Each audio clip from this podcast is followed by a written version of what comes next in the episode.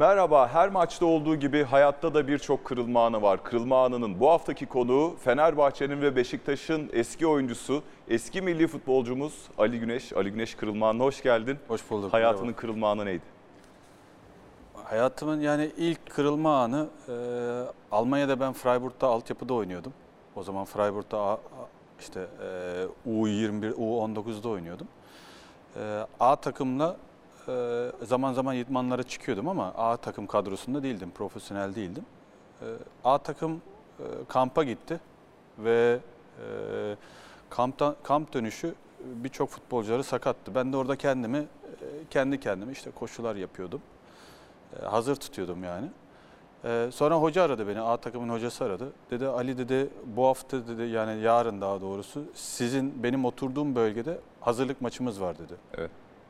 Sen de dedi oynayacaksın dedi. Allah'tan kendimi hazır tutmuşum. Ee, ertesi gün o maçta görev aldım. 5-0 yendiğimiz maçta ben 3 tane gol atmıştım. Sonra bana dedi ki iki gün sonra bir daha maç var dedi. Şimdi hazırlık döneminde her 2-3 günde bir maç oynuyorsun. O zaman yine gel dedi. Gittim yine oynattı. İşte o zaman ben orta saha ileriye dönük işte e, serbest oynuyordum. Tekrar oynadım. 12-0 falan yenmiştik. Hiç unutmam. 7 tane gol attım. Bana dedi bir daha gel dedi. bir daha gittim. Bir daha aynı e, performans. Gel dedi sen dedi profesyonel yapalım dedi. Yani hayatımın kırılma anı oydu. Öyle profesyonel oldum yani. Evet, şimdi her zaman olduğu gibi filmi biraz daha başa sarıyoruz. Bir fotoğrafımız var. Bu takım hangi takım? Soldan oturanlardan üçüncü Ali Güneş. Enteresan. Evet. Benim ilk takım bu işte e, Broilingen'de. Şu anda oturduğum yerde. Buradan başka profesyonel çıktı mı? Bir tek Yok. sen mi çıktın? Bir tek ben çıktım evet. Neler hatırlıyorsun bugünle ilgili?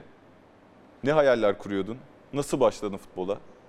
Valla futbola şöyle başladım. Benim aslında e, yani bu altyapı döneminde oynadığımda e, babamın bile ailemin haberi yoktu. Çünkü orada belli bir ücret ödüyorsunuz senelik. Evet. Futbol oynadığın zaman. Yani ben aileme söylemiyordum işte kızarlar maddi olarak e, biraz şey olabilir diye. E, kramponlarımı hatta gerçi orada yok. Teknik direktörüm vardı. O almıştı. Antrenman kıyafetlerimi de o alırdı. e, yıkardı. O getirirdi bana. Yani sonra işte e, sağda solda herkes demiş ki işte babam anlattı Ali top sonradan. peşinde koşuyor. Ya Ali çok iyi futbolcu. Kesin ondan bir şeyler olur demiş e, demişler. Babam demiş kim bu Ali demiş. Ya senin oğlan demiş. Yani benim babamın ailemin bile aslında haberi yoktu. Yani 5 yaşında başladım. E, ondan sonra zaten ailem her zaman e, öğrendikten sonra her zaman destek oldu. İkna etmek zorunda kalmadın mı? Yani baba çok seviyorum. Yok babam futbolu çok seviyordu zaten. Yani annem biraz e, işte sakatlanırsın, yok üstün başın çamur oluyor falan filan. İşte biliyorsunuz anne her zaman biraz daha farklı bakıyor. Ama e, yani karşı gelmediler tabii ki. Başka planın var mıydı peki futbolcu olamazsam? Ya, tabii ki okuyordum ben orada. Ee, üniversiteyi bitirip ben e, en son işte Freiburg'da oynadığım dönemde aynı dönemde ben e, teknik üniversitesine gittim. E, orayı da bitirmiştim zaten. Hem okul yapıyordum hem de e, futbol oynuyordum profesyonel. Yani elimde bir meslek her zaman bulunsun diye tabii ki e, bir şeyler yaptım. Şimdi bir gol var. Biraz tabii hızlı atladık ama 14 Nisan 1999'a gidiyoruz. Profesyonelliğe geçişini anlattın. Bu gol Dortmund'a atılmış bir gol. Belki maçı kazandırmadı ama Ali Güneş'e acaba ne kazandırdı? Görüntü kalitesi için özür dileriz ama bunu bulabildik. Ali Gunish's first goal in the Bundesliga was certainly worth our top 10. It came for Freiburg against Borussia Dortmund in 1999. He's the best of his six in the Bundesliga by a mile. Great awareness and a fantastic finish as well. Kariyerinin başındasın. Bu attığın en güzel gol, gol olabilir İlk herhalde. Bundesliga golümdü. Ve en güzel golü. Evet. Zirvede başlamışsın. İnanılmaz evet. İlk Bundesliga'da benim ilk senemdi. Bir de e, son dakikalara doğru Stefan Reuter vardı. Beni Evet. formamdan çekip penaltı yaptırdı. Yani beni düşürdü. Penaltıyı arkadaş kaçırdı. Yani maç 2-1 yenildik bu maçta ama atsaydı belki de maçın adamı olacaktım. Riken atıyor golü de. Evet. İk- 2-1 yapan golü. Ya bu golden sonra teknik direktör Volker Finke ile konuştunuz mu hiç? Ya bu da bir de sen hakim olmayan ayağın aslında sol ayak. Evet. Yani enteresan bir de ben geriye baktığım zaman sol ayağımla belki daha çok gol atmışımdır. Yani nedenini bilmiyorum ama daha çok böyle sol ayağımı kullanmışım. Pla- iç plaselerde de mesela bir tane Gençler Birliği'ne attığım bir gol var. Orada da sol ayağımı kullan, kullandım. Yani birçok maçta Solna maçında, UEFA maçında Evet. solla attım. Beşiktaş'ta da solla attığım e, maçlar var. Yani Finke ile şöyle bir ilişkimiz vardı bizim. Finke e, yani gelip beni belki de şımartmamak için çok fazla benimle konuşmuyordu. Ee, yani çok içli dışlı bir, biz hiçbir zaman bir ilişkimiz olmadı. O yaşlarda ben kendisinin beni pek sevmediğini düşünüyordum. Hani vardır ya bizim Türklerde her zaman hoca beni pek sevmiyor diye ama halbuki belki de şimdi geriye baktığım zaman benim gelişimim için belki de en doğru davranışı sergiliyor diye, diye düşünüyorum. Şimdi bazen de çok fazla iç içe olduğun zaman da e, şımarabiliyorsun, işte e, daha az çalışabiliyorsundur. Yani bilmiyorum ama dediğim gibi bizim çok böyle samimi bir ilişkimiz yoktu yani. Kariyerinde seni en iyi anlayan teknik direktör kimdi sence? Yani en en iyi anlaştığım e, yani Del Bosque'yi ben çok seviyordum. Yani ben de her zaman ayrı bir yeri var. Tabii Mustafa Hoca'nın da e, ayrı bir yeri var. Oğuz Hoca'yı da severim. Yani hepsini severim ama beni en çok e, yani rahatlatan özellikle işte genel olarak futbolcuları rahatlatan ben Del Bosque e, diye düşünüyorum. Çünkü oynamadığım zamanlar sakat olduğum dönemde bir kere yanıma geldi. İşte sürekli tedaviye geliyordum ben. Evet. Bana yanıma geldi aşağıya. Dedi ki ya sen neredesin dedi. Ben seni özledim dedi. Yani e, özlediğim için dedi yanına geldim dedi. Oynayıp oynamaman dedi tabii ki bizim için dedi e, zor dedi. E, ama dedi ben dedi insan olarak seni seviyorum dedi. Yani insan olarak seni her gün görmek istiyorum dedi. Yani böyle bir hocanın, böyle bir seviyede bir hocanın bunu söylemesi tabii ki farklı yani. Şimdi bir puan durumu ekrana getireceğim. Bu sezon çok özel bir sezon. Bu puan durumunu görünce ne aklına geliyor? Bu 98-99 sezonu 5 takım kümede kalma mücadelesi Evet. veriyor. Bir tanesi senin takım Freiburg ve deplasmanda Nürnberg'de oynayacaksınız. Nürnberg'de puan almak zorunda. Ne hissediyorsun? Ve maça ilk 11'de başlayacaksın. Bak tüylerim hala şu an diken diken. Yani bu e, otobüste gidiyorduk hatta. E, bir kaleci e, Gols'la beraber yan yana oturuyoruz ve ben inanılmaz heyecanlıyım. Onda hiç heyecan yok. Yani normal şartlarda zaten şurada baktığınız zaman Düştük. yani Diyorsun. biz de düşebiliriz. Ama kim düşmez dediğin zaman Nürnberg. Nürnberg düşmez dersin ama öyle bir maç e, öyle bir şey oldu ki zaten bu herhalde e, Bundesliga'da en enteresan sezon Evet. e. İnanılmaz. Şimdi ben sonucu söylemeyeyim. İnsanlar belki Sonucu sonucu şöyle. Ali Güneş 2 gol atıyor. Yani tarihi bir maç. Hala bu maçla ilgili Freiburg sitelerinde, Alman medyasında haberler var. Hatta birkaç sene önce yapılmış bir haber. Hemen onu getirelim. Kaleci Gols'un açıklamaları var. Ee, bu başlık şöyle. Goz 1999'daki kümede kalma finali hakkında konuştu. Unutulmazdı. 3 gün kutladık diyor. Ayrıca bu röportajda Ali Güneş'le ilgili söyledikleri de var.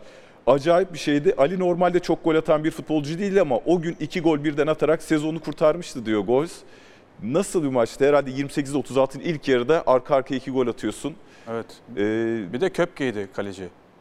Do Alman Nürnberg. milli takımın tabii milli Andreas takım, Köpke. e, Andreas Köpke'ydi milli takım kalecisi kalecisiydi. Ve Nürnberg küme düşüyor. Evet, enteresan orada herhalde işte e, yani Leverkusen herhalde 6 tane atıyor. Bir Evet. enteresan bir şey bir oldu. gol daha atsa e, Leverkusen, Nürn, e, zannediyorum bir gol daha atmasa Nürnberg hatta sadece de kutlama Evet. yapmış. Kurtardık şeklinde değil mi sizin maç Evet, bittikten evet, doğru, sonra? doğru. Leverkusen'ın son geli, golü geliyor ve Nürnberg düşüyor küme. Yani çok enteresan bir sezondu. Tabii benim de orada iki gol atmam, 2-1 yendik maçı. E, hatta Greuther Fürth de bilirsiniz Evet. Nürnberg düşmandır. Greuther Fürth taraftarları forma yaptırmış o zaman. İşte e, tam şey olarak e, Fürth üzerinde e, güneş doğdu.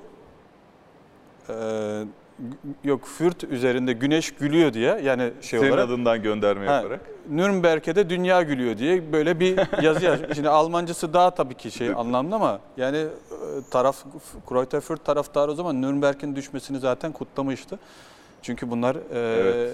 ezeli düşman olduğu Bu maçtan daha stresli bir maç oynadın mı sen? Yani bir de yaşında göz önüne alınca. E, Hayatın bu- en stresli maçlarından biri herhalde ama bundan daha streslisi. Ya bir şey söyleyeyim mi? O, o yaşta e, stresi çok fazla anlamıyorsun. Yani ne için oynadığını e, anlayınca aslında stres daha çok oluyor. Yani ben Türkiye'de yaşadığım stresi herhalde hiçbir yerde yaşamamıştım. En çok hangi maçta stres yaşadın? Gerginlik. Uykuların kaç kaçmış olabilir uykuların. Ya Maç özellikle öncesinde. işte e, maç maç öncesi değil de maçtan sonra çok stres oluyordu yani özellikle yenildiğimiz zaman. Yani bir hafta hiç geçmiyordu. Bir sonraki maç gelse telafi telafi edelim diye. Çünkü o maçtan sonraki o baskı işte yönetimin baskısı olsun, taraftarın baskısı, medyanın baskısı olsun. işte beklentiler e, çok olunca baskı da artıyor tabii ki. Freiburg'da benim üzerimde öyle bir baskı yoktu. Çünkü ben hiç beklenmedik bir anda altyapıdan ben profesyonel takıma çıktım. Ben e, ka- yani Freiburg tarihinde herhalde e, hatırla, doğru hatırlıyorsam 30 sene sonra altyapıdan çıkan ilk futbolcuydum ve tarihte ilk Türk futbolcuydum ben Freiburg'da. Ve Türkiye'ye geldim ben. E, yani dediğim gibi benim orada o yüzden üzerimde çok büyük bir baskı yoktu. Çünkü ben genç futbolcuydum. E, beklentiler çok büyük değildi. Hatta benim hakkımda e, bir eski antrenör vardı. İsmi gelirse söyleyeceğim. Milli, milli takım antrenörüydü. İşte ilk sezonda ben 34 maçın 32'sini oynadım 1. Bundesliga'da. Ve en iyi genç futbolculardan biri olarak seçildim ben. İkinci sezonda işte kendisi şöyle bir demeç verdi. Ali bence beklentileri karşılayamayacak. Çünkü geçen sezon sürpriz bir isimdi dedi. Bu sezon dedi artık ligi, lig Ali Güneş'i tanıyor dedi ve ertesi sezonda ben çok iyi başlamıştım. Ee, ilk hatta haftalarda goller de atmıştım. Yani e, aslında dediğim gibi Bundesliga'da ben oynadığım mevkide gerçekten e, iyi oynadığımı düşünüyorum. O mevki sağ bek değil ama. Değil mi? Evet ben hayatımda işte Mustafa Hoca ile sağ bek oynadım ve sağ bek olarak sol bek olarak devam ettim. Ama gerçek mevkim tabii ki hiçbir zaman değildi. Güzel bir fotoğraf var. Bu fotoğrafta tanıdık bir isim var. Bir dergi kapağı. Zübaya, Zübeyir Baya, Tunuslu futbolcu. Ee, zannediyorum bu meşhur Nürnberg maçının sonrasında seni sırtına almış. Ee, hak ettiğini düşünüyorsun herhalde değil mi sırta alınmayı? Zübaya da o takımın yıldızı sonrasında Beşiktaş'a da geliyor. zaten. Evet zaten Zubayer'in Beşiktaş'a gelmesinde e, benim de şeyim oldu. Beni aradılar kulüpten işte e, nasıl bir insan, nasıl bir futbolcu diye. Ben çok olumlu referans vermiştim. Kendisine de çok e, sevdiğim bir arkadaşım. Hatta şöyle söyleyeyim ben ilk profesyonel olduğumda bizim aramız bayağı iyiydi. Ben buna dedim ki kaç para kazanıyorsun dedim. O zaman parasıyla işte 30 bin mark kazanıyorum dedim. O dedim ne kadar çok kazanıyorsun. Bekle dedi. Zamanı gelirse sen de kazanırsın demişti bana. Hiç unutmam onu yani. Peki bu çok güzel bir jest aslında. Gencecik bir futbolcuyu takımın yıldızı sırtına alıyor. Sen kariyerinde e, sen kariyerinde kim sırtına almak istersin? Valla Mustafa Doğan'ı sonuna kadar taşırım. Yani çünkü odamı paylaştım kendisiyle. Benim için sadece bir arkadaş değil, e, bir psikologtu yeri geldiği zaman. Yani her şeyimi paylaşabildiğim, onun da benimle her şeyini paylaşabileceği bir arkadaş olduğunu düşünüyorum. Yani eğer bu camiada hala görüştüğün ve arkadaş diyebileceğin bir insan bulabiliyorsan tabii ki ne mutlu e, bana diye düşünüyorum. Yani Mustafa'nın bende her zaman yeri ayrıdır. Tabii diğer arkadaşlarımla da e, ilişkilerim, ikili ilişkilerim iyidir ama Mustafa'nın her zaman yeri ayrıdır. Bir de deminki fotoğrafta dikkat ettiysen benim kramponun her zaman uğur getirir diye bir tanesi Copa vidalı, Mundial. birisi Öyle de, mi? Birisi de kopa. Yani birisi çivili, birisi vidalı. O o fotoğrafta gözüküyor Bir aslında. daha bakalım fotoğrafa. Bak soldaki Evet, doğru. vidalı, öbürü las. Hep böyle giyerdim. Bana şans getirdiğini de- düşünüyorum. Şans getirdi. Bak şimdi 30 numara ilk e, profesyonel sözleşme imzalandığında sana verilen numara. Evet. Onun için uğurlu. Fenerbahçe'de gerçi geldiğinde 2 numara giyiyorsun. Evet, Mustafa Hoca iki numarayı vermişti bana. E, bu nasıl bir uğurdu şimdi? e, dengesizlik yaratmıyor muydu yere basarken? Ya ben aslında şöyle düşünüyorum. Şimdi ben sağ ayakla vurduğum için sol ayağım böyle kaymasın vururken daha destek iyi ayağını. destek ayağım daha iyi olsun diye veya kafaya çıkarken de destek ayağımı daha iyi kullanayım diye ben sol aya ayakkabımı her zaman vidalı giyiyordum. Şimdi buradan e, Freiburg'da misyonu da tamamlıyorsun. Zaten ismini de duyuruyorsun arka arkaya attığı gollerle. E, transferde de e, Türk kulüplerinin dikkatini çekmekle kalmıyorsun. Alman kulüplerini de çekiyorsun dikkatini. Bakalım transfer görüntülerim var üzerine konuşabiliriz. E, Ali Güneş Fenerbahçe ile resmi sözleşme imzalıyor. Gencecik. E, neler hissediyorsun? Nasıl gerçekleşti Fenerbahçe transferin? Fenerbahçe benim için e, bir hayaldi. Yani benden çok e, babamın Fenerbahçeli olduğunu zaten herkes bilir. Benim babam çok büyük bir Fenerbahçeli. E, e, ben o zaman işte 2 2-3 sezon Bundesliga'da oynadıktan sonra aslında Bundesliga'dan da Dortmund olsun. Ben en son işte e, Felix Magath'la Frankfurt'ta görüşmüştüm. Hamburg'da Pagelsdorf vardı. İşte Hamburg'da görüşmüştüm. E, yani görüştüğüm aslında 4-5 tane kulüpte vardı benim. E, Bundesliga'da kalmayı düşünüyordum. İşte Türkiye'den anlaştığım aslında söz olarak Giray Hoca da hatırlar büyük ihtimalle. Hala inşallah bana kızmıyordur Giray Hocam. Çünkü ben Trabzonspor'a da o zamanlar gelebilirim diye e, söylemiştim. İşte diğer kulüpler de tabii Galatasaray olsun, Beşiktaş olsun. Şimdi babanız Fenerbahçeli ama Fenerbahçe'de zor bir kulüp değil mi? Yani sen de genç bir futbolcusun.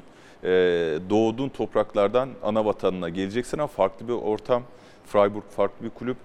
Ee, o dönemde Fenerbahçe kötü bir sezonun ardından gerçekten çok isimli oyuncuları transfer ederek sezona giriyor. Revivos'undan Rapa içine, Kenneth Anderson'la, Zoran Mirkovic'ine, daha unuttum Lazet içine birçok oyuncu vardır. Ee, babanla ne konuştunuz? Şimdi daha garantili tercihler de olabilirdi. Borussia Dortmund belki senin gelişimin için çok daha açık olabilirdi. Ya da Felix Magath'ın Eintracht Frankfurt'u. Korkmadın mı? Hiç düşünmedim ki. Yani şu an düşünsem, yani şu anki aklım olsa herhalde belki farklı düşünürüm. Bunları düşünürüm ama o yaşta işte e, biraz daha böyle duygusal.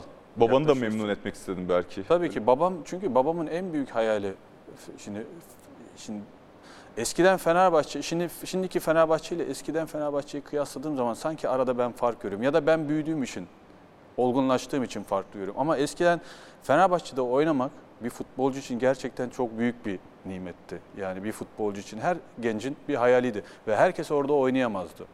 Ben öyle düşünüyorum. Yani Fenerbahçe zaten e, aradığında e, yani beni menajer aradı dedi işte e, Mustafa Hoca seni istiyor dedi. Babam zaten duyunca tabii ki dedi. Direkt işte hiç para mara konuşmadan biz anlaşmayı zaten kabul etmiştik. Ekonomik olarak seviye farkı va- var mıydı Fenerbahçe'nin? Diğer Evet, yani evet. Trabzon'da daha çok para teklif etmişlerdi ve Almanya'da da aynı takım aynı paraları kazanabilirdim. Ama işte Fenerbahçe olunca e, ben işte küçükken e, Fenerbahçe'nin maçlarından zaten büyüyordum. Yani her zaman Fenerbahçe maçlarını takip ederdim. Freiburg'da oynadığım dönemde bile o zaman işte bu internet çok fazla şey yaygın değil. Hemen babamı arardım işte Fener ne yaptı diye sorardım. Yani bizim galip gelmemiz aslında çok önemli değildi Freiburg'da benim oynadığım takımda. Yani Fenerbahçe'yi ben daha çok merak ederdim. Ve e, tabii Fenerbahçe arayınca hiç düşünmeden geldim. Benim için en zor e, şey bu bavulu toplayıp havalimanına giderken orada e, çünkü benim oturduğum kasaba 5000 nüfusu var.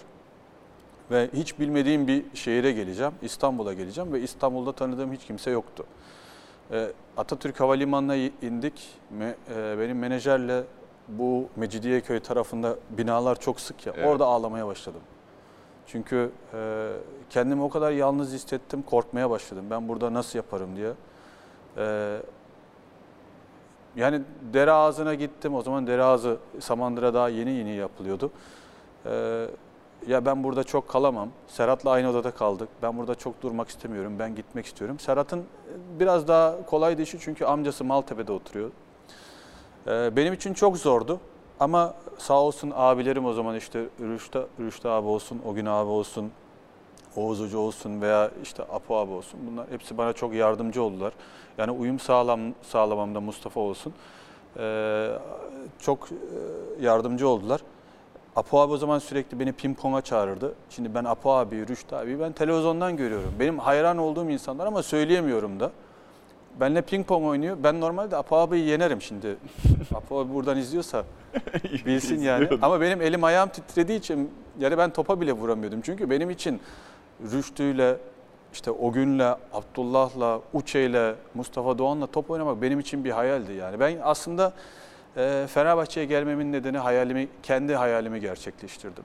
Ve hiç de pişman değilim yani. E, geriye baktığın zaman iyi ki gelmişim diyorum. Belki kariyer olarak, futbol kariyerim olarak Bundesliga bana daha çok şey katabilirdi ama e, yani öbür türlü de yani Fenerbahçe diyorsun. Yani o formayı giymek dediğim gibi herkese nasip olmuyor yani. Çok güzel anlattın. Gerçekten çok güzel anlattın. Ee, şimdi bir videomuz var. Fotoğraflarını kullanabiliyoruz ama ses de çok önemli bir unsur. Ee, dinleyelim.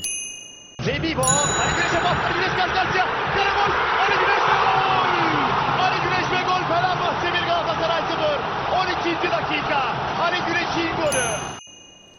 Ali Güneş öyle bir gol atıyor ki eee, yıllarca unutulmayacak bir gol. Bu golün bir de e, sonrasında gazete manşetlerine yansıması var tabii ki. Buna da bakalım. Kadıköy'den NATO bile çıkamaz. Bu tarihte 7 Mayıs 2001 maçtan bir sonraki günün Fanatik gazetesi e, liderlik koltuğunda devralıyorsunuz. Şimdi bu maç iki şekilde hatırlanıyor Fenerbahçe'nin kazanması dışında. Bir, e, Ali Güneş'in forvet arkası oynayıp gol atması. İki, bir de Rüştü Reçber'in sakatlanıp Oğuz Dağ, Dağlaroğlu'nun kaleye geçmesi. Bu herkes için sürpriz oldu senin o maça bu şekilde başlaman ama şimdi anlıyoruz ki zaten sen Freiburg'da gole yakın bir oyuncusun. Futbola da böyle başladın. Senin için sürpriz oldu Mustafa Deniz'in bu tercihi. Benim için de sürpriz oldu. Yani ben şöyle düşündüm açıkçası maçtan önce. Şimdi Mustafa Hoca maçtan önce herkese böyle bir yakınlık gösteriyordu. Bana biraz uzaktı böyle itmanlarda falan. Ben yani şöyle dedim. e, Büyük ihtimalle benim ben oynamam diye düşündüm. Çünkü e, takımın üzerinde inanılmaz bir baskı vardı. Çünkü 7 sene hatırladığım kadarıyla Fenerbahçe şampiyon olamadı. Evet, 95-96'dan sonra Evet. 2000-2001 sezonu 7. sene. Yani 7 sezon e, şampiyon olamadı ve çok büyük bir baskı var. Ben takımın en gençlerinden biriyim Serhat'la birlikte. Büyük ihtimalle dedim bize herhalde Mustafa Hoca ateş atmaz diye düşündüm ben. Ki onun planları çok farklıymış. Maçta maça birkaç saat kala ben e, Apo abiyle yine ping pong oynuyorum. Odama geçtim. Şimdi bekliyorum. Maç saatini bekliyorum. Mustafa Hoca kadroyu açıklayacak. On, bir anda işte telefon çaldı işte odanın telefonu. Mustafa Hoca dedi ki odama gel dedi bir şey konuşacağım dedi. Dedim herhalde dedim kadrodan çıkaracak beni dedim. Çünkü Mustafa Hoca genelde 20 kişi alırdı 2 kişiyi çıkarırdı. Gittim odasına çaldım e, kapıyı çaldım içeri girdim baktım böyle yine her zamanki güler yüzüyle böyle gülüyordu böyle. Karşıladı dedim "E, herhalde dedim gülerek kötü haberi bana verecek dedim. Benim de hayalim çünkü Galatasaray'a karşı evde oynamak yani. Çünkü ben zamanında o 4-3'lük maç, maçta Atkinson'un o pardon 3-0 mıydı? 3-0'lık. 3-0'lık maçta Atkinson'un o 3 gol attığı maçta ben tribündeydim çocukken. Ve benim o, o günden beri hayalimdi. O statta kendi taraftarımız önünde Galatasaray'a karşı oynamak. Dedim herhalde dedim kötü haberi bana şimdi gülerek verecek dedim. Bana böyle karşıma geçti. Dedi ki aynen şu şekilde baktı. Nasıl hissediyorsun kendini dedi. İyiyim dedim hocam dedim.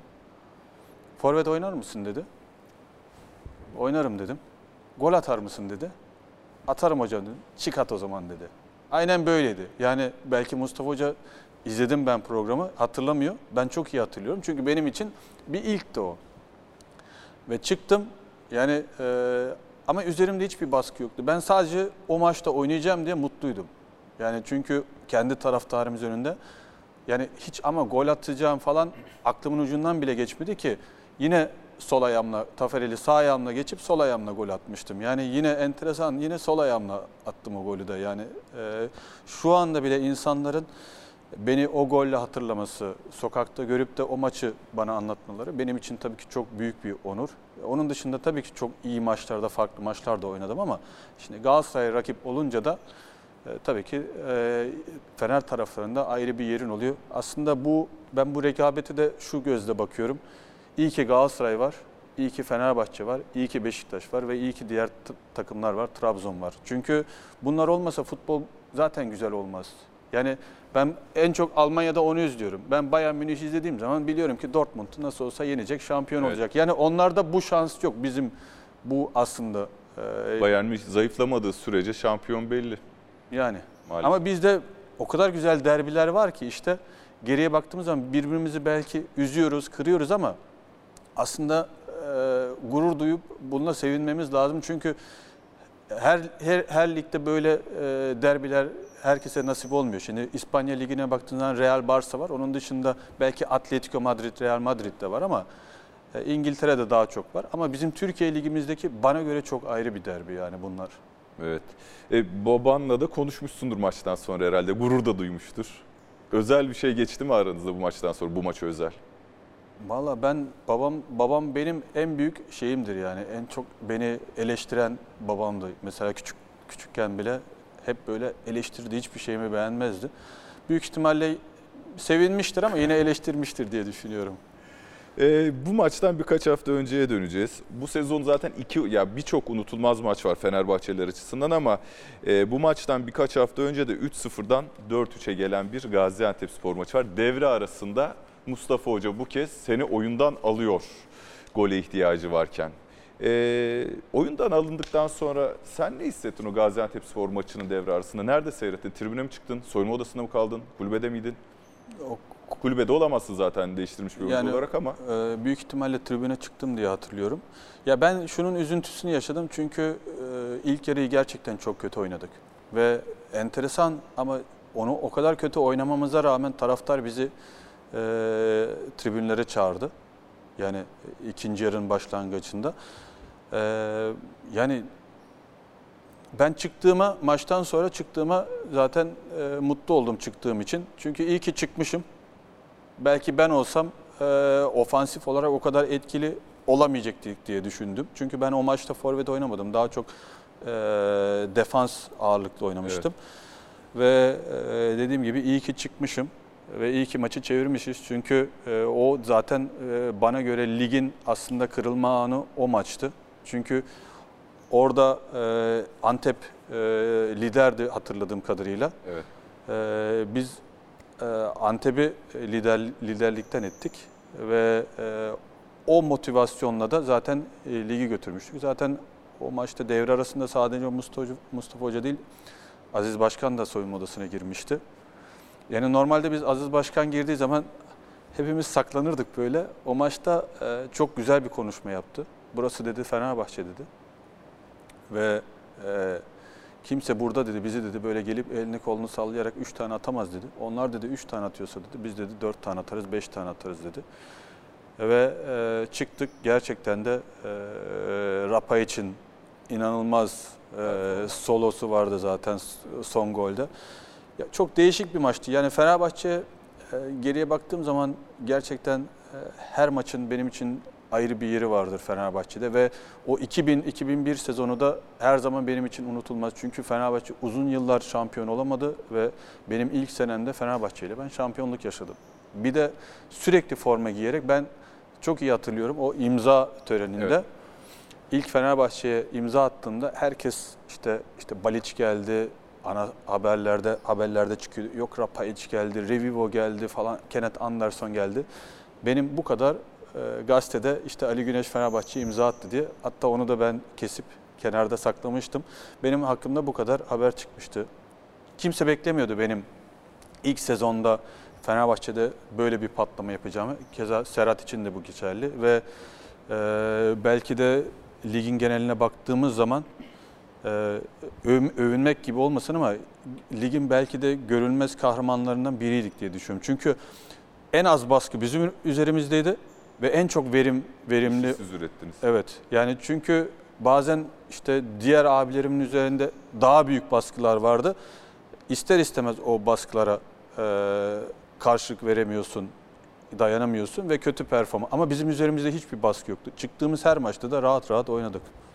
Şimdi bir videomuz daha var. Şampiyon olmanın getirisi Şampiyonlar Ligi ama maalesef Fenerbahçe için bir sonraki sezonun Şampiyonlar Ligi macerası pek de iyi gitmiyor. Hemen kısa bir video. 31 Ekim 2001. Rivaldo yine topun gerisinde. Rivaldo. Rivaldo.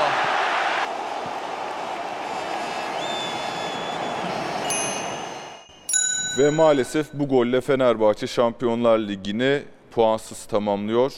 Ee, sen de bu golden bir dakika önce çıkıyorsun, yerini Ceyhun'a bırakıyorsun. Çıkarken herhalde şey düşünmüşsündür, oh neyse bir puanı aldık da puansız kalmadık diye ama öyle olmadı.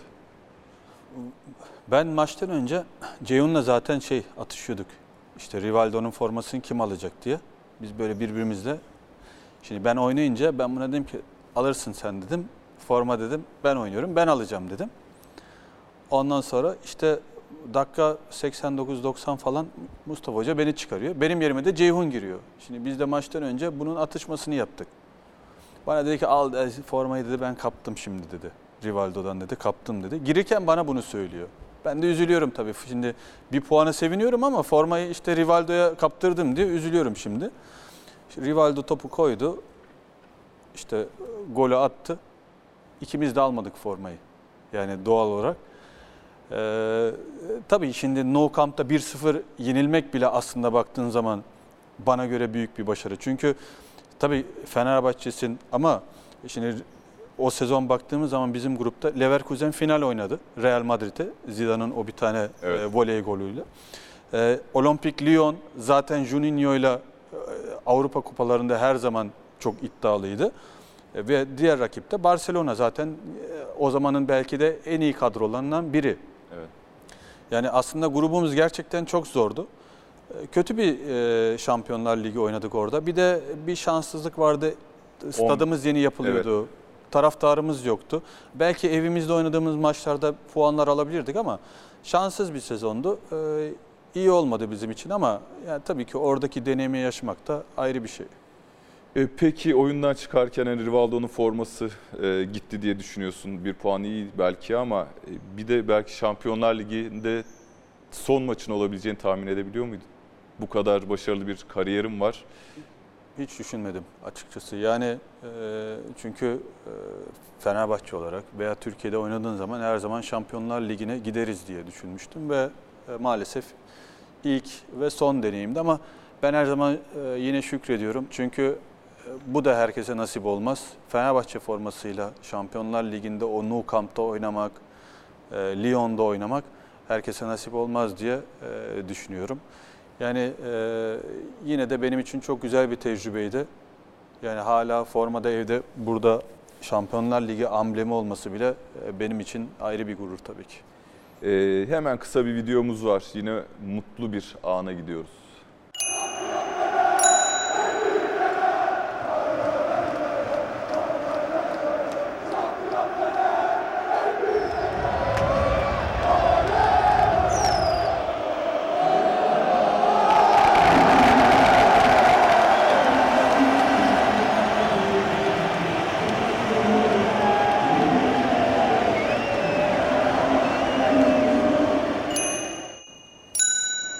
Hangi şampiyonluk daha zordu? Bu da çünkü çok özel bir şampiyonluk. Beşiktaş'ı geriden gelip geçiyorsunuz. E, İnönü'de Evet. bir Beşiktaş galibiyeti de var. Serhat'ın yıldızlaştığı. 2001 şampiyonluğu mu 2004 şampiyonluğu mu daha çok zorladı?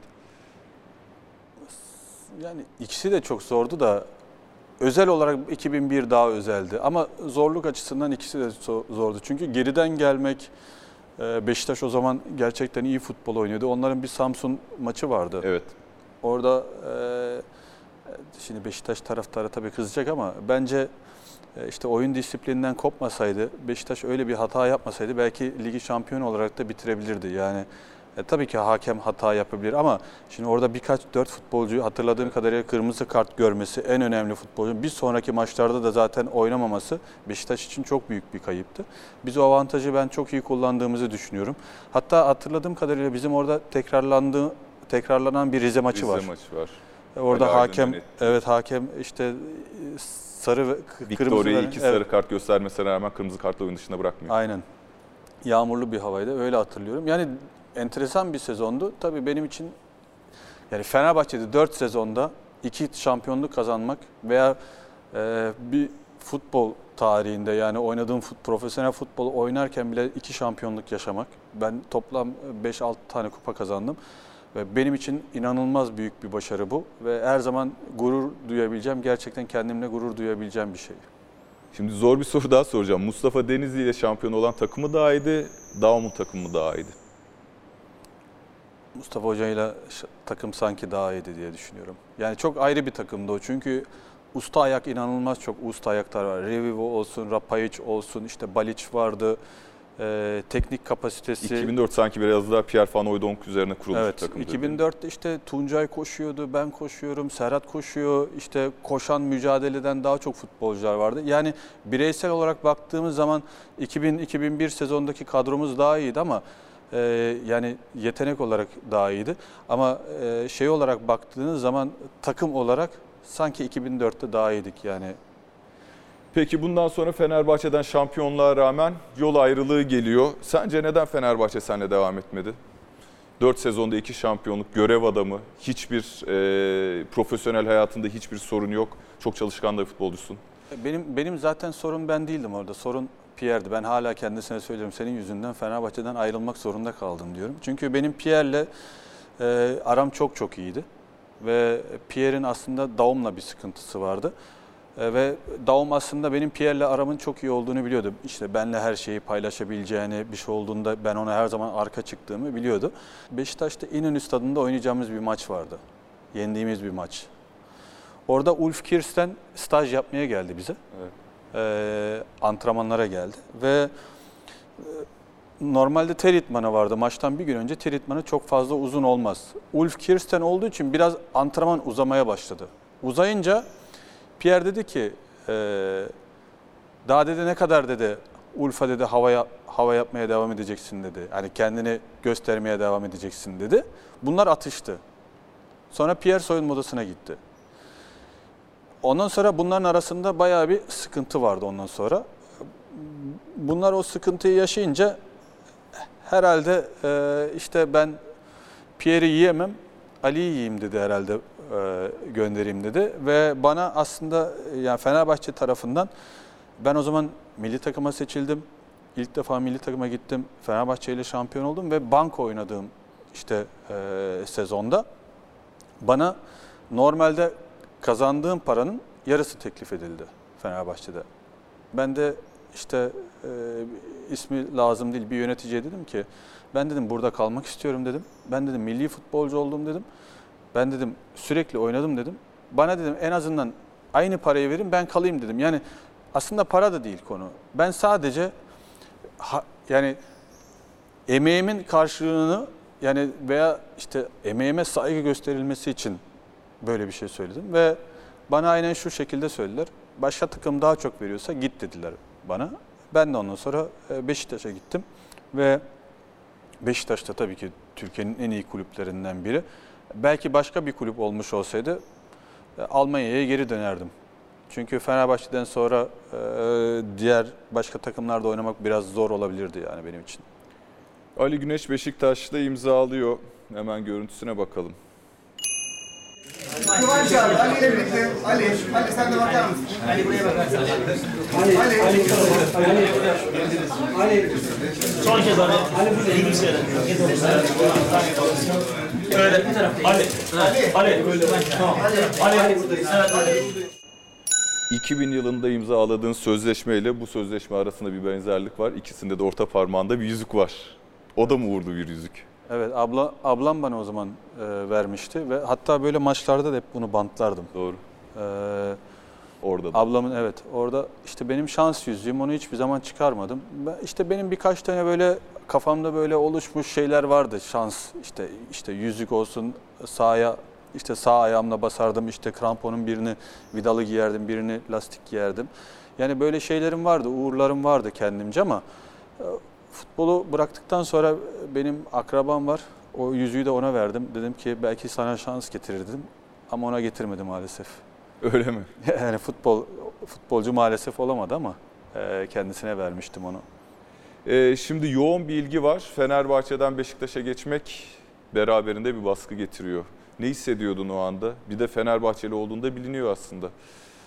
Benim aslında taraftarlar açısından hiçbir sıkıntım yoktu. Ne Fenerbahçe ne taraf e, Ga- Galatasaray ne diğer yani benim dışarı çıktığım zaman beni e, bütün taraftarlar aslında e, iyi karşılıyordu ve Beşiktaş'a geçtikten sonra bile Fenerbahçe taraftarı beni hiçbir zaman yani ne ıslıkladığı maçlarda ne sokakta ben tepki gördüm. Yani ben hala mesela insanların hala şunu söyler.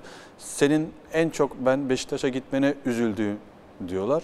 Ama hiçbiri de tepki göstermiyorlar. E, çünkü e, Yani bir insan sağda ve sağ kenarında nerede durmasını, nasıl durmasını gerektiğini bildiği zaman bence Türk halkı bunu gördüğünü düşünüyorum ben. Yani ben sağ içinde olsun, sağ dışında olsun her zaman konuşmalarıma, davranışlarıma dikkat eden bir insan olduğum için ben o yüzden çok fazla tepki görmedim. Yani o yüzden Beşiktaş'a geçmek benim için yani baskı açısından hiçbir baskı görmedim doğrusu ve dediğim gibi hatta e, Fenerbahçe taraftarı zaman zaman da e, beni tribünlere de maçtan sonra çağırdığı da oldu-. Şimdi bir haber var. 2 Ağustos 2004 Bosque'nin gözdesi Ali Güneş. Ali Güneş kısa sürede İspanyol hocanın gözüne girerek ilk 11'deki yerini sağlama aldı. Yıldız, yıldız futbolcu Hertha Berlin önünde 90 dakika sahada kaldı e, diyor haberde.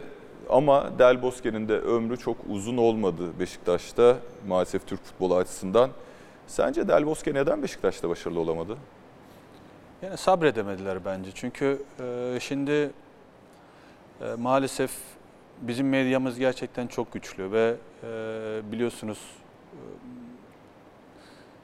şimdi her şeyi açık açık da söyleyemiyoruz burada da insanlar az çok biliyor e, Türkiye'de bazı şeylerin işte medya üzerinden yürüdüğünü işte e, böyle büyük kulüplerde olsun milli takımlarda olsun e, işte medyanın sevdiği insanlar var. Yani kendi sevdiği insanları getirme gibi bir hevesleri var böyle bir istekleri oluyordu. Ve Del Bosque tabii ki Fenerbahçe e, Beşiktaş çok büyük bir camia. Fenerbahçe de çok büyük bir camia.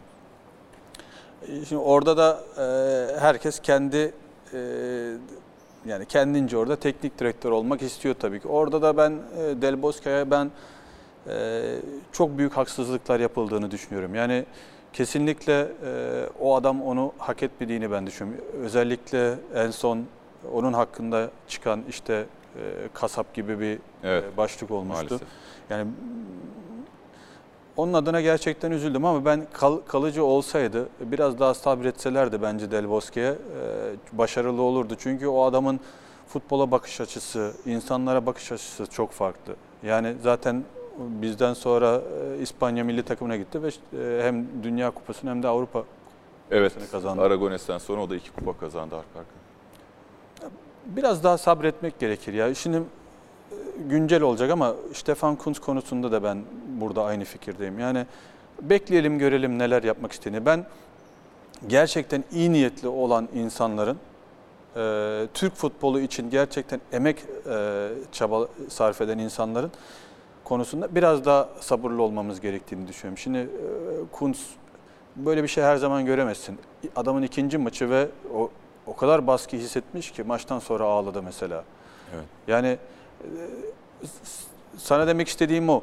Yani Almanya'da o baskıyı görmüyorsun ama Türkiye'de inanılmaz büyük baskı var. Yani e, bu baskıyı da herkes hissediyor maalesef. Bunu bence yeri yani bunu medyamız olsun, bizim insanlarımız o baskıyı bizim futbolcularımızın üzerinden, teknik ekibin üzerinden bunu biz almamız gerektiğini ben düşünüyorum. Hem halk olarak hem medya olarak bunu almamız gerekiyor. Çünkü iyi niyetle çalışan herkese saygı göstermek gerekir. Ben Del Bosque'nin olsun veya Stefan Kuntz'un kesinlikle iyi niyetle e, çalışmak istediğini düşünüyorum yani.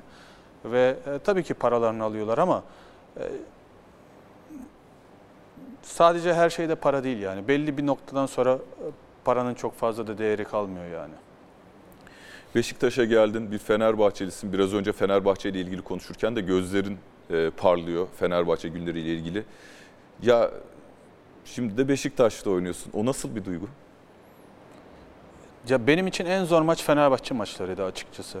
Yani her yani diyorsun ya en çok strese hangi maçtan önce giriyordun?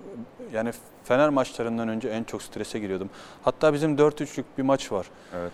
Orada e, şimdi bana sonradan Fener taraftarı biraz tepki gösterdi. Çünkü gol sevincinde ben e, Koray'ın gol gol sevincinde e, ben de biraz sevinci abarttım. Ama benim aslında oradaki sevincim daha fazla işte şimdi orada Daum'a karşıydı. Çünkü Daum kenarda bekliyordu ve Koray o tarafa doğru koşunca ben sevincimi aslında Daum'a doğru yaptım. Çünkü benim Daum'a bir kırgınlığım vardı. Ve e, şunu söylemiyorum, Beşiktaş'a gitmek istemiyordum demiyorum. Ben kalmak istiyordum. Ama gittikten sonra da ben Beşiktaş için elimden gelen her şeyi yaptım zaten. Ee, Ben bütün oynadığım kulüplerde elimden geleni yaptım. Ben halı sahada bile oynarsam ben elimden geleni her zaman yaparım. Çünkü ben ondan zevk alıyorum ve benim işim olduğu için bunu yapıyorum ben. Ama işte Fenerbahçe maçları benim için tabii ki e, ayrıydı. Çünkü şimdi yensek babam üzülecek, ailem üzülecek, arkadaşlarım, Fenerbahçeli arkadaşlarım üzülecek. Yani biraz arada kalıyorsun ama e, profesyonel düşündüğün zaman işte e, mümkün olduğu kadar kapatmaya çalışıyorsun ve görmemeye çalışıyorsun ama işte ne kadar da e, profesyonel olsan yani benim için Fenerbahçeli ma- maç, maçları her zaman çok çok zor geçti. Yani şunu söyleyeyim açık yüreklilikle ilk defa söyleyeyim. Keşke e, Alex'in yanında oynasam, keşke şu an Pierre'in yanında olsam dediğim maçlar da oldu yani açıkçası Beşiktaş forması giyerken bile. Ama hiçbir zaman dediğim gibi ne mücadelemden ne de iyi niyetimden hiçbir zaman e, tavizde vermemişimdir yani. O maçta bir de Anelka karşısında zor durumlara düştün. Çok konuşuldu bu. Koray Avcı'nın da hatta açıklaması var. Ali Güneş'i sağ alıyordu Rıza Hoca. Anelka da oraya geliyordu. Sola alıyordu. Bu sefer Anelka da sola geliyordu. Neler yaptı Ali Güneş'e ya? Bir sola yatırdı, bir sağa yatırdı. Maçtan sonra Ali Güneş'in midesini yıkattık diye espri yapmış. 8 Nisan 2019'da Eflatun TV'de. Anelka'dan daha fazla zorlayan bir oyuncu oldu mu seni? Ya da o maçla ilgili Anelka gerçekten de o kadar zorlandın mı? Çok. İnanılmaz. Yani ben şimdi Zé Roberto'ya karşı da oynadım. işte Barcelona'ya karşı da oynadım. işte Bundesliga'da Effenberg, Mateus hepsine karşı oynadım. İşte An- Andreas Möller olsun, Hessler Evet. olsun. Ama ben Anelka gibi hayatımda yetenekli, çabuk hiçbirini görmedim yani. Yani inanılmaz değişik bir futbolcu. Böyle e, şimdi Rıza Hoca maçtan önce bana geldi dedi ki Ali dedi seni solda oynatmayı düşünüyorum. Şimdi ben solda da tabii oynadım ama benim ters ayağım. Dedi Anelka dedi sen de çabuk adamsın dedi. Anelka da çabuk adam dedi.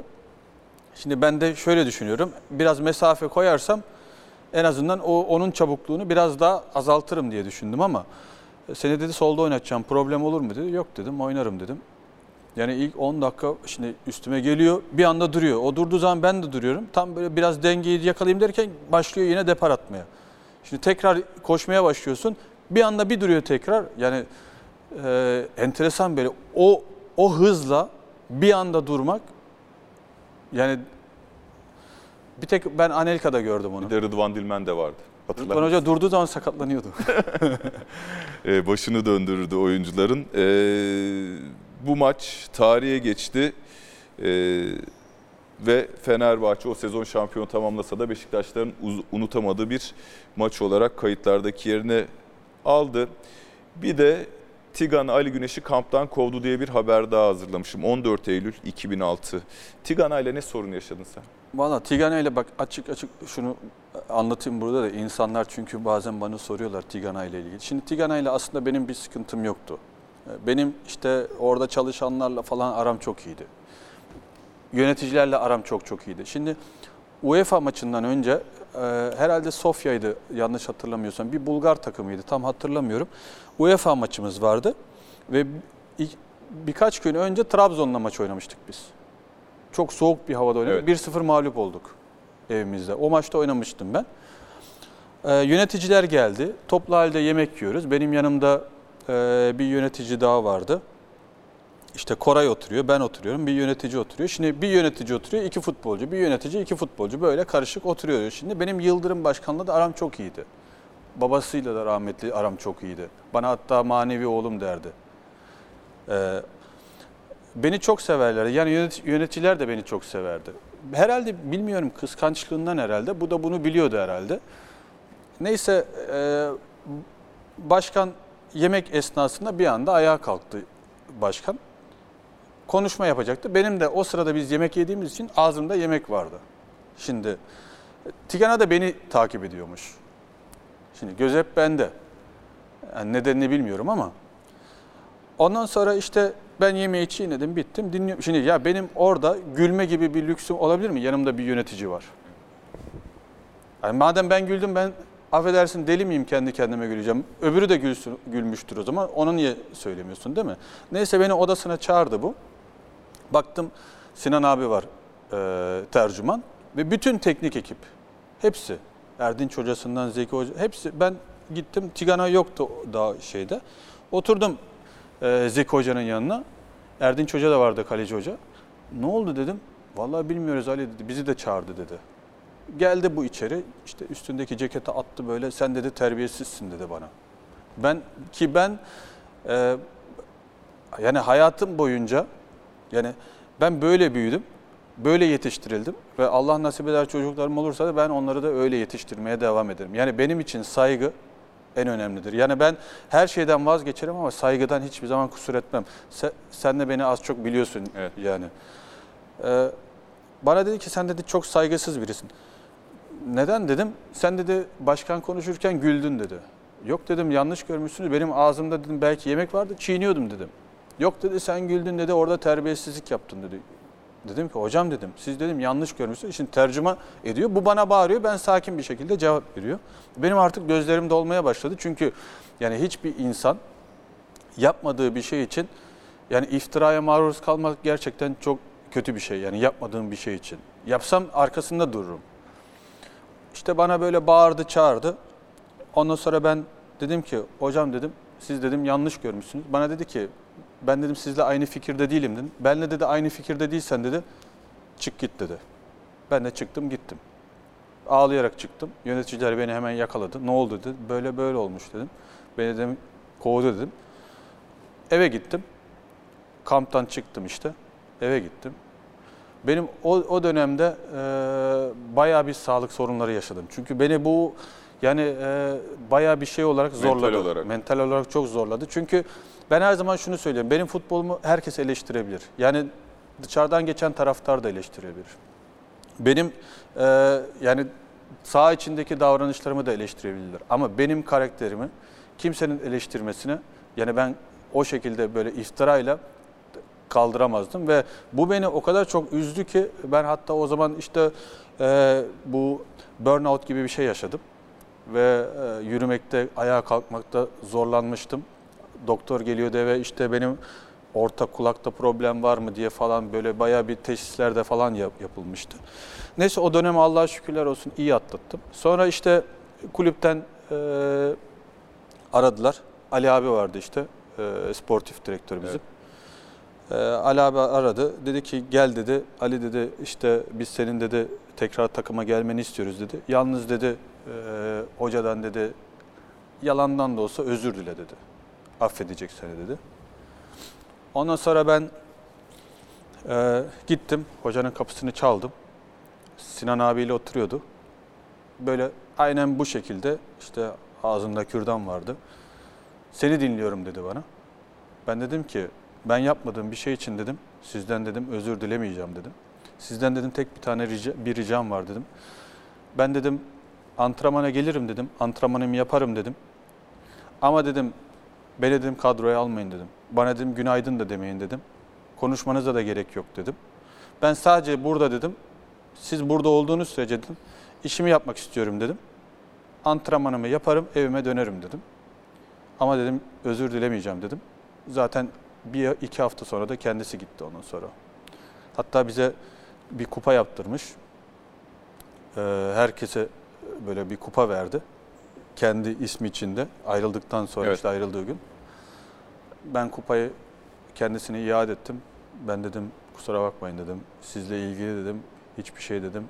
Bende olmasını hafızamda bile olmasını istemiyorum dedim. Yani belki ilk defa hayatımda öyle bir şeyle karşılaştım. Dediğim gibi ben yani e, benim aklımın ucundan geçmezdi terbiyesizlik veya yapmadığım bir şey için e, kalmak. Çünkü benim aile yapıma, benim yaşantıma çok ters bir şey. Yani beni dinleyen, şimdi belki tanımayan insanlar belki yapmış olabilir veya ayıp et, bir şey yani arka, altında bir şey arayabilirler ama beni tanıyan herkes benim burada ne kadar samimi olduğunu bilir yani. Sadece bu olay mı? Yani sadece bu olay, bu olay yüzünden neden böyle bir şey yapmış olabilir diye Tigan'a sürekli düşünmüşsündür herhalde. Hiç sormadım. Vallahi hiç açıkçası hiç düşünmedim. Yani nedenini hiç sormadım. Ee, yani iyi niyetli değil diye, diye düşünüyorum. Yani olabilir belki sevmemiş olabilir. Elektriği tut, elektriğim tutmamış olabilir. Ama yani bir insan başka bir insana niye böyle bir şey yapar ki? Yani hala anlamış değilim ama Çok fazla da düşünmüyorum çünkü e, benim için benim hayatımda bir önemi yok. Bana mesela deseler ki hangi hocalarla çalıştın? Onun ismini hiçbir zaman söylemem yani. Sen bu tükenmişlik sendromu dedin ya burnout olarak. Evet. Nasıl oradan kurtuldun? Ya şimdi burada aile çok önemli. Yani benim e, ailem hemen yanıma geldi, e, annem babam yanıma geldiler ve e, şimdi şunu da söyleyeyim, iki tane cep telefonum vardı. Yani hayatımın kırılma anından biri de belki odur. Yani benim bir futbolu bırakırken onu da sonra anlatayım. Kırılma anım oldu. Bir de e, ş- o dönemde ben aslında e, şunu anladım. E, iki tane cep telefonum vardı ve benim cep telefonlarım hiç susmazdı. Benim arkadaşlarımı sorsan anlatırlar. Ben ikisiyle de sürekli yazışırdım böyle. İşte derdim ki ne çok sevdiğim insanlar vardı diye. O dönemde ne kadar yalnız olduğumu ben anladım aslında. Çünkü kimse aramadı. İşte bir boşluğa düştüm. İşte o dönemde en sevdiğim yakın arkadaşlarım yanımda oldu ve ailem yanında oldu ve onların sayesinde tabii ki bu dönemi biraz daha çabuk atlattım. Yani e, şu an futbolcular eleştiriyor, eleştiriliyor, görüyorum böyle, üzülüyorum biraz. Çünkü aslında baktığınız zaman o futbolcuların e, birçoğu da zaten yalnızlar. Yani eleştirirken belki dozunu çok fazla kaçırmamak lazım. Çünkü bir futbolcunun üzerinde e, gerçekten ne kadar baskı olduğunu biz dışarıdan yani ben biliyorum da dışarıdan görenler çok fazla anlamıyor. Sadece aldığı paralara bakıyorlar. Ama psikolojik olarak e, ne kadar e, ezildiklerini, ne kadar yıprandıklarını maalesef anlayamıyorlar. Sen son bırakmaya karar vermeden önce her şeyden bıktığın, bırakacağım dediğin bir an oldu mu? İşte ben Buca Spor'daydım. Ee, şimdi affedersin hava atmak için söylemiyorum. Ben Buca'da İzmir'de bir villada oturuyorum. Üç katlı bir evde oturuyorum. Dışarıda benim lüks bir tane aracım var. Ve ünlüyüm, Ali Güneş'im ben. Cebimde param var. Benim düşüncem hep bu. Şimdi çok seviliyorum. Herkes beni tanıyor, herkes beni seviyor. İşte, e, ben bayramlarda her zaman işte böyle hala da öyleyimdir. Mesela büyüklerimin, akrabaların elini öpmeye giderim mesela. O zaman da ben öyle büyüdüm çocukken. Yani bayramda giderim böyle el öperim. Ö- öyle büyüdüm. Yine bir bayramdı. Kalktım işte bayram namazına gittim eve geldim. Böyle bir kavanozun içine para koydum. Bir de şeker koydum. Şimdi bekliyorum çocuklar gelecek. Bayramlaşacağım. Ondan sonra işte e, telefon çaldı. Annemle bayramlaştım telefonda. E, işte babamla telefonda bayramlaştım. Ben 10, 13 yaşımda babama dedim ki kaç yaşındasın baba dedim. Babam dedi ki 35 yaşındayım dedi. İşte 35-36. O dedim ne kadar yaşlanmışsın dedim. Şimdi ben o dönemde bu yaşlardayım. Ve o 13 yaşından sonra özellikle profesyonel olduktan sonra o zamanın nasıl geçtiğini ben hatırlamadım. Hatırlamıyorum yani çok çabuk geçti. Böyle oturdum o günler aklıma geldi. Telefonu kapattıktan sonra. Hiç kimse gelmedi eve bayramlaşmaya. Bütün gün oturdum düşündüm. Ondan sonra kendi kendime şunu söyledim. Ya dedim villada oturuyorsun dedim. Dışarıda dedim lüks bir aracım var dedim. Cebinde param var Ali Güneş'sin. Zenginim herkes seni tanıyor diye düşünüyorsun dedim. Halbuki o gün ben ne kadar e, yalnız olduğumu anladım. Yani ne kadar fakir olduğumu anladım.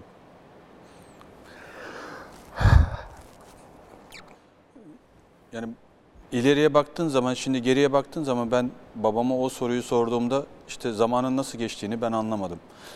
Ve ileriye baktığım zaman bir o kadar ömrüm var mı diye düşündüm.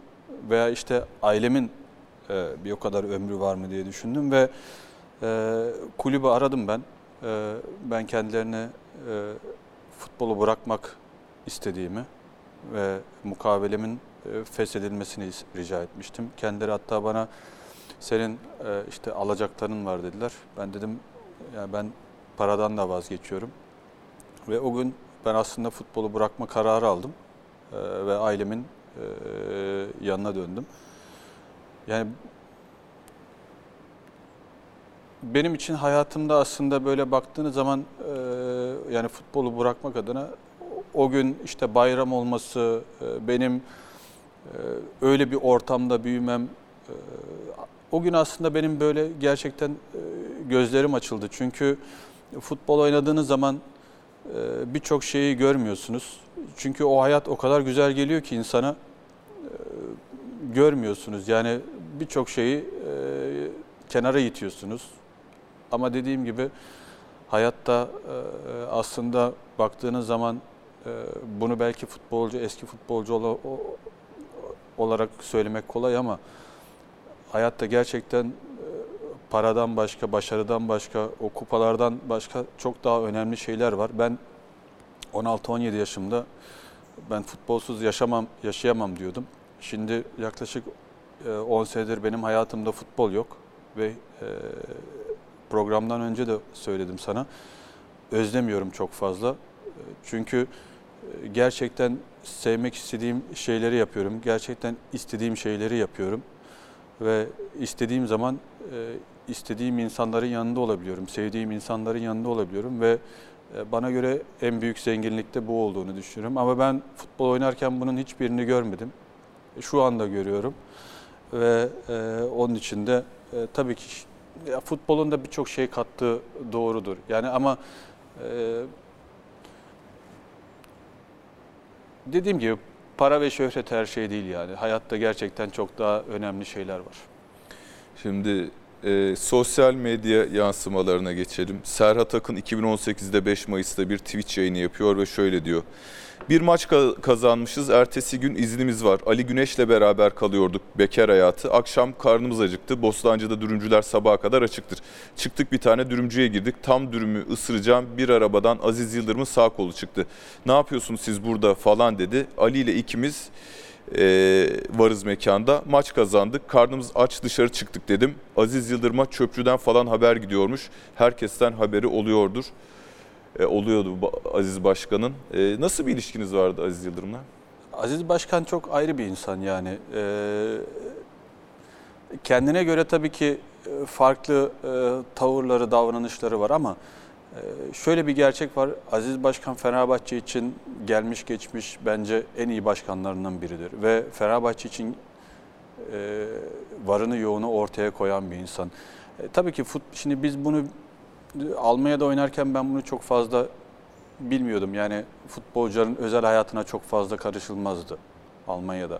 E, Türkiye'ye gelince yani nereye gitsen başkan haber gidiyordu. İşte kimle görüşsen başkanın haberi oluyordu. E, Zor oluyordu tabii ki.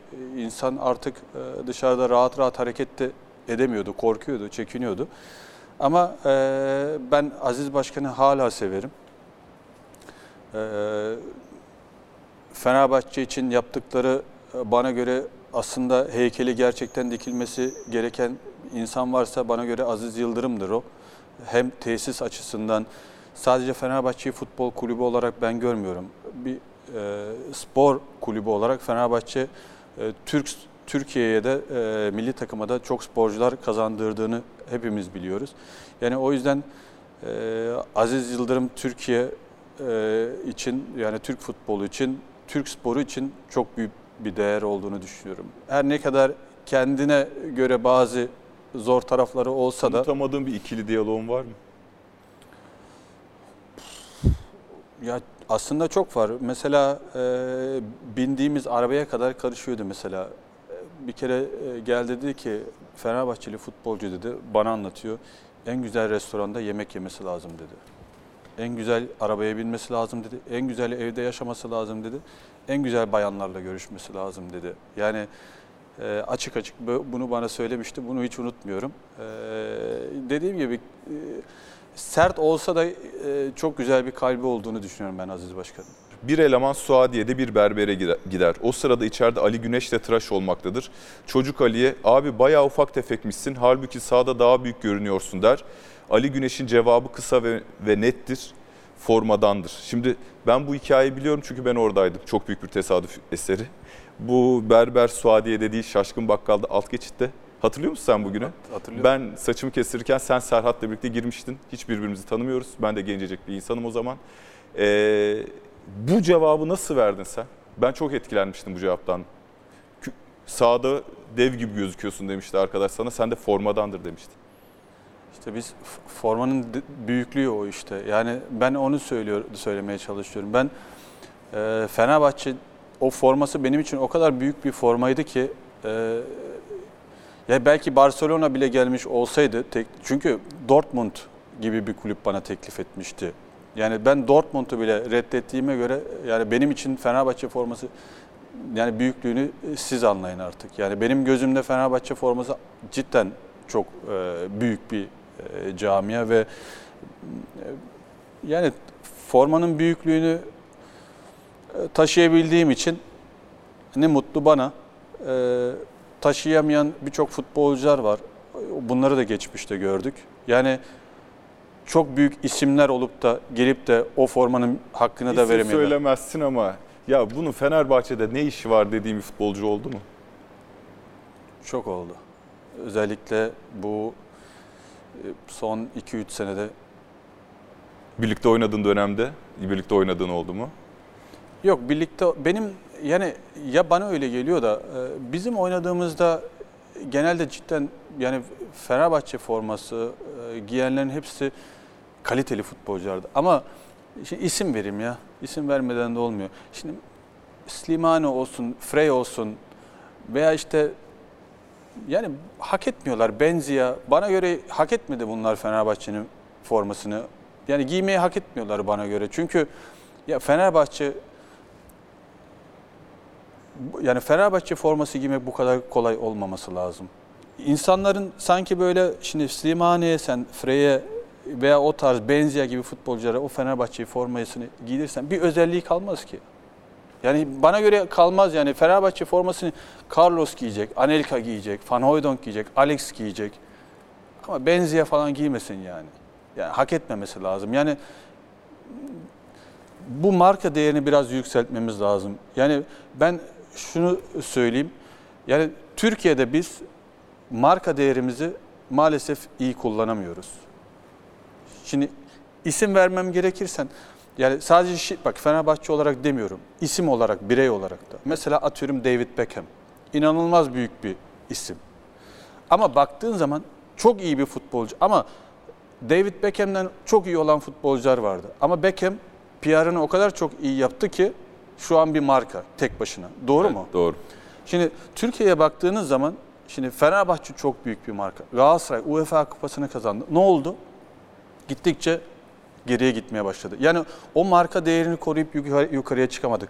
Şu anda Türkiye'de sorsam ki dünya genelinde atıyorum mesela Çin, Çin yani Amerika'nın bir ucuna gitsem. Bana Türkiye'den bir kişi veya tanıdığım bir şey söyle desem bir kişiyi söyler. Nusret'i söyler. yani demek istediğim Nusret bunu başarabiliyorsa diğerleri niye başaramamış? Enteresan yani. Biz bu marka değerimizi koruyup yük- yükseltemiyoruz. Bunu yapan tek kişi Nusret. Enteresan. Onu da tebrik ediyoruz yani. Evet, buradan şimdi programın son bölümüne doğru geliyoruz. Ee, kısa sorular, kısa cevaplar rica edeceğim. Keşke yapmasaydım dediğim bir şey. Valla keşkelerim olmadı. Yani eee, şöyle söyleyeyim. Keşke Tigana'ya sinirlenip Beşiktaş'tan Freiburg'a gitmeseydim. Ben Tigana'ya sinirlendim. Freiburg'a imza atmıştım o zaman. En büyük pişmanlığın Ya pişmanlık demeyeyim de yani Fenerbahçe'den ayrılmak istemezdim. Kenneth Anderson mu, Pierre Van Hooijdonk mu? Van Hooijdonk. En sevdiğin Fenerbahçe tezahüratı? Ali Güneş, Ali Güneş, Ali Güneş, Ali Güneş. En çok onu severdim. En çok üzüldüğün maç? En çok üzüldüğüm maç valla hatırlamıyorum. Hiç böyle çok üzüldüğüm bir maç olmadı açıkçası ya. Birlikte oynadığın en iyi oyuncu? Birçok var da e, Mustafa Doğan diyeyim ya. Çünkü yani ben kısaca şunu söyleyeyim. Ben sadece sağ içindeki profesyonelliğiyle değil. Yani e, benim için sadece sahada o top alıp işte çalım atmak, gol atmak değil ya. Benim için futbol veya e, futbolculuk çok ayrı bir şey. Yani Mustafa Doğan çünkü Sağ içinde çok zevk alıyordum. Onu yani sağ içinde onu gördüğüm zaman mutlu oluyordum. Sağ dışında gördüğüm zaman mutlu oluyordum. O yüzden Mustafa'yı demek istiyorum. Gelmiş geçmiş en sevdiğin Fenerbahçeli futbolcu. Çocukluğuna da dönebilirsin. Ee, yani Oğuz Hoca'yı çok seviyorum. Alex ile birlikte mi oynamak isterdin Mesut'la mı? Alex. Kariyerinde unutamadığın maç, 6-0. senden en iyi faydalanan teknik direktör. Ee, Mustafa Denizli. Freiburg'u Bundesliga'da tutan gollerin mi daha önemli, Galatasaray'a attığın şampiyonluk golü mü? Galatasaray'a attığım gol. Futbol hayatında hangi ana geri dönmek istersin? Tekrar bir 17 yaşıma girme, gelmek isterim. Neyi değiştirirsin? Yani birçok şeyi farklı yapardım diye düşünüyorum. En büyük hayalin nedir? Yani en büyük hayalim, e, valla bir hayalim yok. Ben futbol oynarken de, yani futbolcu olmadan önce de hayal kurmuyordum. Şu anda da kurmuyorum. Yani benim, ben her zaman şunu söyleyeyim, Allah hiçbir zaman gördüğümüzden eksik etmesin ve sağlık versin. Benim için e, gerisi hepsi boş. En son ne zaman ve niçin ağladın? İşte duygulandığım zaman geriye bazı şey yani ben atıyorum başkasının sevincini gördüğüm zaman bile ağlayabiliyorum. Mesela işte demin biraz hüzünlendim çünkü geriye e, düşündüm. Geriye gittim biraz. Ama ben mesela Almanya'da bu e, o ses Almanya diye bir Evet. Türk kızı çıktı. Ben ona bile ağladım. Onun sevincine bile ağladım açıkçası. Ali Güneş çok teşekkürler. Kırılma anının sonuna geldik. Tekrar görüşmek üzere. Hoşçakalın.